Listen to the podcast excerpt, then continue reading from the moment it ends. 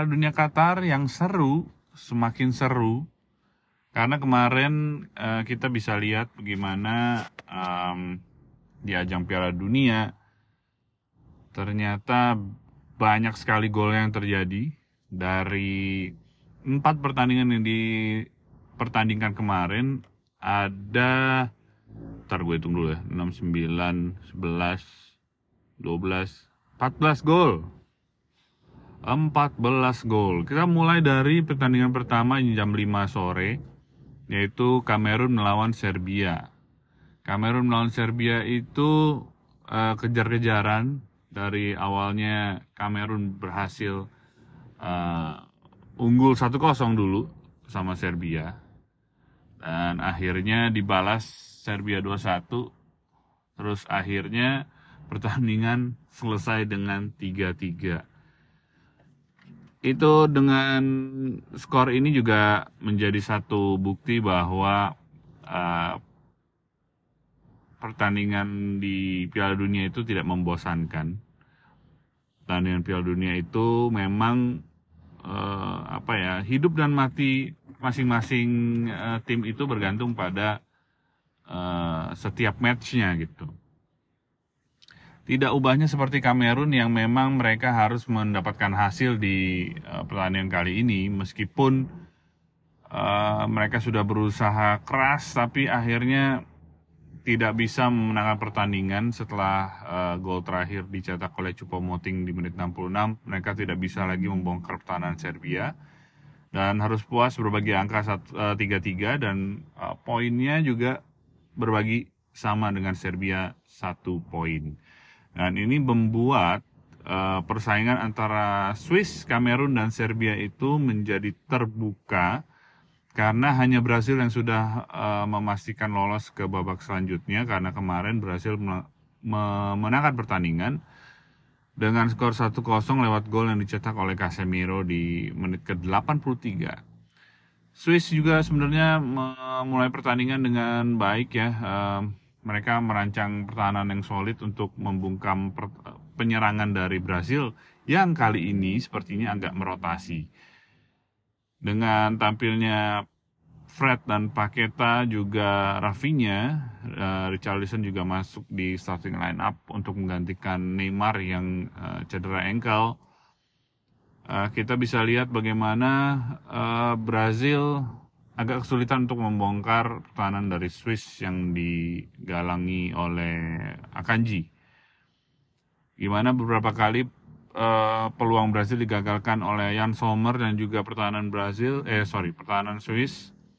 Dan sempat ada satu gol yang dianulir, satu gol dari Vinicius yang lumayan cantik, cuman uh, proses terjadinya gol melibatkan Richarlison yang sudah uh, ada di posisi offside. Jadi dianulir golnya namun akhirnya di penghujung babak kedua si Casemiro berhasil mencetak gol untuk memastikan lolosnya Brasil ke babak 16 eh, besar. Selain Brasil juga ada Portugal yang lolos ke babak 16 besar. Mereka menang 2-0 lawan uh, Uruguay dan uh, dua gol dicetak oleh Bruno Fernandes yang Gol pertamanya sempat diklaim oleh Cristiano Ronaldo. Tetap ya egonya. Tapi nggak apa-apa. Eh, Portugal sebenarnya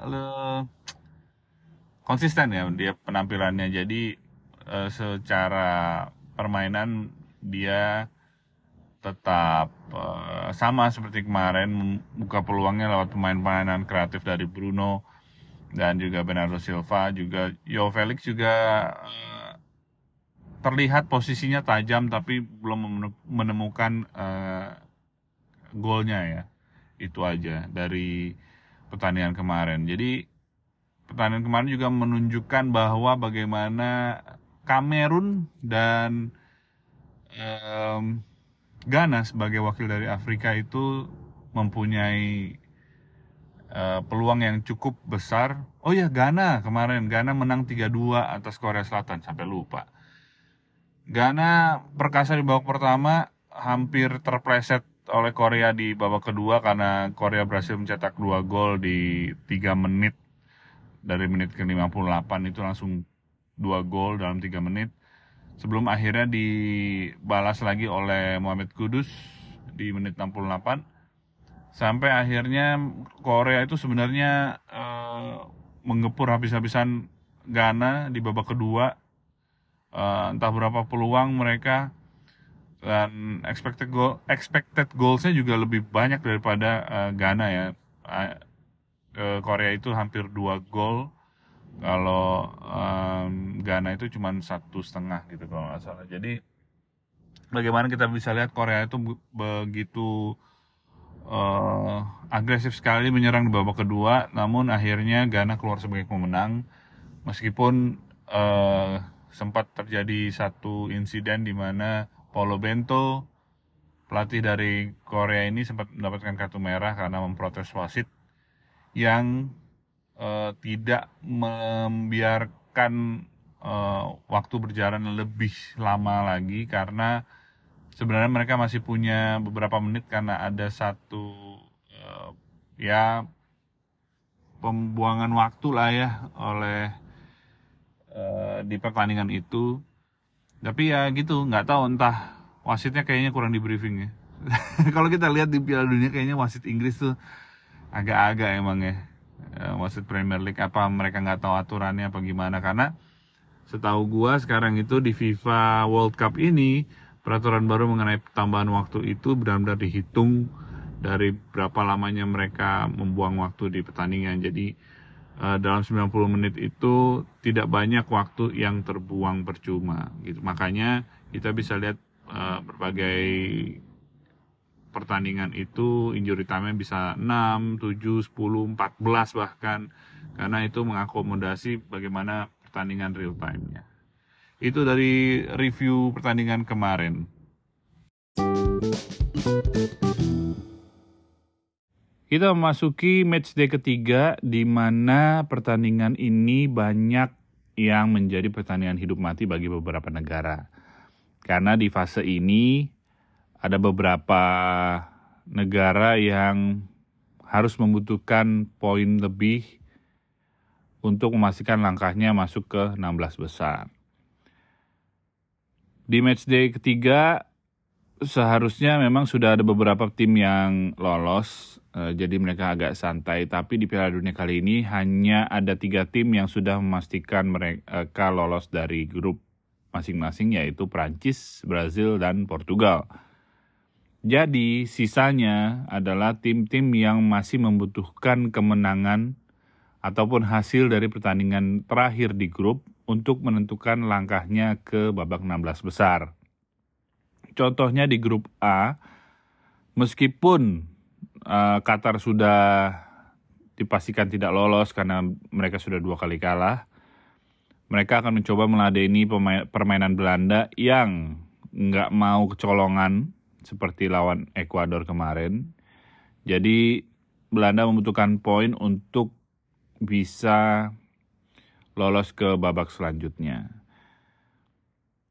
Lalu di satu pertandingan lagi di grup A adalah Ekuador dan Senegal. Senegal harus memenangkan pertandingan untuk melaju ke babak selanjutnya karena dia mempunyai poin 3 sedangkan Ekuador mempunyai poin 4 sama dengan Belanda. Jadi Ekuador sebenarnya hanya perlu imbang saja bersama Senegal.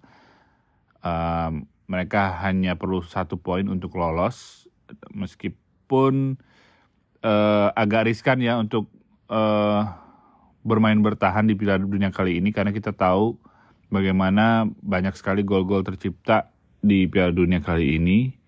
Jadi uh, bukan tidak mungkin uh, apa namanya pertandingan akan berjalan seru gitu ya yang akan berjalan uh, rame dan banyak gol.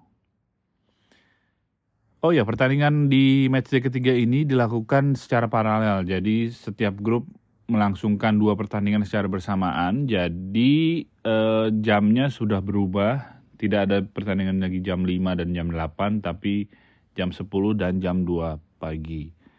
Untuk grup A akan bermain dengan eh, jam 10 di paralel. Jadi kalian uh, kalau mau nonton uh, satu ada di TV digital, satu lagi ada di video. Jadi terserah kalian pilih yang mana itu ininya kalian. Cuman rasa-rasanya nih match day ketiga itu akan seru semua. Jadi kalian pasti akan bingung mau nonton match yang mana. Oke, peluang grup A berarti gua rasa sih Belanda nggak akan kesulitan untuk menaklukkan Qatar karena Qatar juga udah nggak punya kepentingan lagi dan mereka juga pasti akan memberikan pemain pemain-pemain lapis keduanya kesempatan untuk bermain. Meskipun mereka nggak mau malu juga ya di sebagai tuan rumah, tetapi Belanda sih semak, uh, lebih kuat sih kayaknya ya, kalaupun mereka juga melakukan rotasi gitu karena kualitas pemain Belanda lebih di atas daripada uh, pemain Qatar. Jadi sepertinya Belanda akan memetik kemenangan dan membuat mereka menjadi juara grup A. Sedangkan pertandingan yang agak sulit diprediksi adalah Ekuador dan Senegal. Kenapa? Karena dari pertandingan sebelumnya Ekuador dan Senegal mempunyai um, semangat yang sama, agresivitas yang sama, jadi mereka pasti akan mati-matian gitu ya. Um, sepertinya, sepertinya nih, kayaknya mereka akan bermain dengan seri meskipun golnya akan banyak. Karena mereka pasti akan keluar menyerang dua-duanya gitu, nggak mungkin uh, bertahan karena percuma bertahan kalau misalnya uh, mereka kecolongan, uh, mereka uh, butuh gol juga gitu. Jadi mau nggak mau mereka akan keluar menyerang Uh, tapi gue di sini mengunggulkan Ekuador tipis lah ya, 55-45 lah untuk Ekuador menemani Belanda di grup A. Sedangkan ada grup B. Grup B ini uh, agak sedikit menarik karena kemarin hasil dari Inggris melawan Amerika yang uh, imbang membuat Inggris masih belum lolos ke babak selanjutnya. Inggris dengan nilai 4 di posisi pertama disusul Iran dengan posisi tiga, eh, posisi kedua dengan nilai 3, Amerika dengan 2 poin dan Wales eh, 1 poin. Itu berarti Wales juga masih mempunyai eh, ini, mempunyai kesempatan untuk lolos kalau mereka menang lawan Inggris dan eh, Iran bermain imbang dengan Amerika. Lalu eh, peluang Amerika yang kemarin uh, ditelepon sama Presiden uh, Joe Biden ya memberikan semangat di Qatar itu salah satu ini juga ya salah satu touch yang simple tapi um, menggugah hati gitu untuk uh, para pemain yang membela negaranya. Amerika peluangnya itu mereka harus ketemu dengan Iran. Nah, Iran dan Amerika ini ya kita tahu ya bagaimana posisi politik mereka agak memanas kalau ngomongin dua negara ini. Tapi di sepak bola um, sepertinya sih mereka akan imbang ya. Karena uh, Iran kemarin menang lawan Wales juga di menit terakhir sedangkan Amerika belum menemukan uh, konsistensi gitu. Jadi siapa yang lebih siap untuk memenangkan pertandingan di kali ini itulah yang akan uh, lolos ya. Tapi uh, menurut gua kayaknya Amerika yang bakal menang sih. Um, mungkin satu kali ya satu kosong atau dua satu mungkin. Um, jadi kalau misalnya Amerika menang, poin mereka akan lima. Jadi tergantung dengan hasil Wales dengan Inggris. Kalau Wales dan Inggris itu imbang, berarti Inggris akan menemani Amerika di grup B. Jadi peluang di grup B ini semuanya masih sama meskipun Wales kalau mau lolos juga dia harus uh, mencetak banyak gol ya. Ya itu agak berat tapi paling tidak mereka mengamankan tiga poinnya dulu lah gitu. Dengan harapan Iran dan Amerika bermain imbang. Jadi eh, agak sulit memprediksi karena eh, mereka masih sama-sama berpeluang lolos dan tidak lolos gitu. Gimana Inggris kalau nggak lolos? Ada juga peluangnya Inggris nggak lolos, tapi Wales harus menang dengan uh, banyak gol karena goal difference mereka yang mereka kumpulkan lawan Iran 6-2 itu menjadikan Inggris mempunyai uh, plus 4 golnya. Jadi uh, itu sebagai satu keuntungan Inggris di uh, pertandingan terakhir ini. Jadi grup A dan grup B akan bertanding pada malam hari ini. Uh, kita siap-siap aja menonton uh, pertandingan yang menarik. Karena apa ya? Karena gue bilang tadi mereka masih berpeluang untuk lolos semua jadi mereka pasti akan keluar menyerang, tidak mungkin bermain bertahan. Gitu. Kita lihat uh, hasilnya bagaimana besok kita akan ulas lagi dan kita akan membahas lagi grup C dan D yang akan bermain di esok hari. Ketemu lagi di episode selanjutnya di Dapot Hayah Hayah Qatar 2022.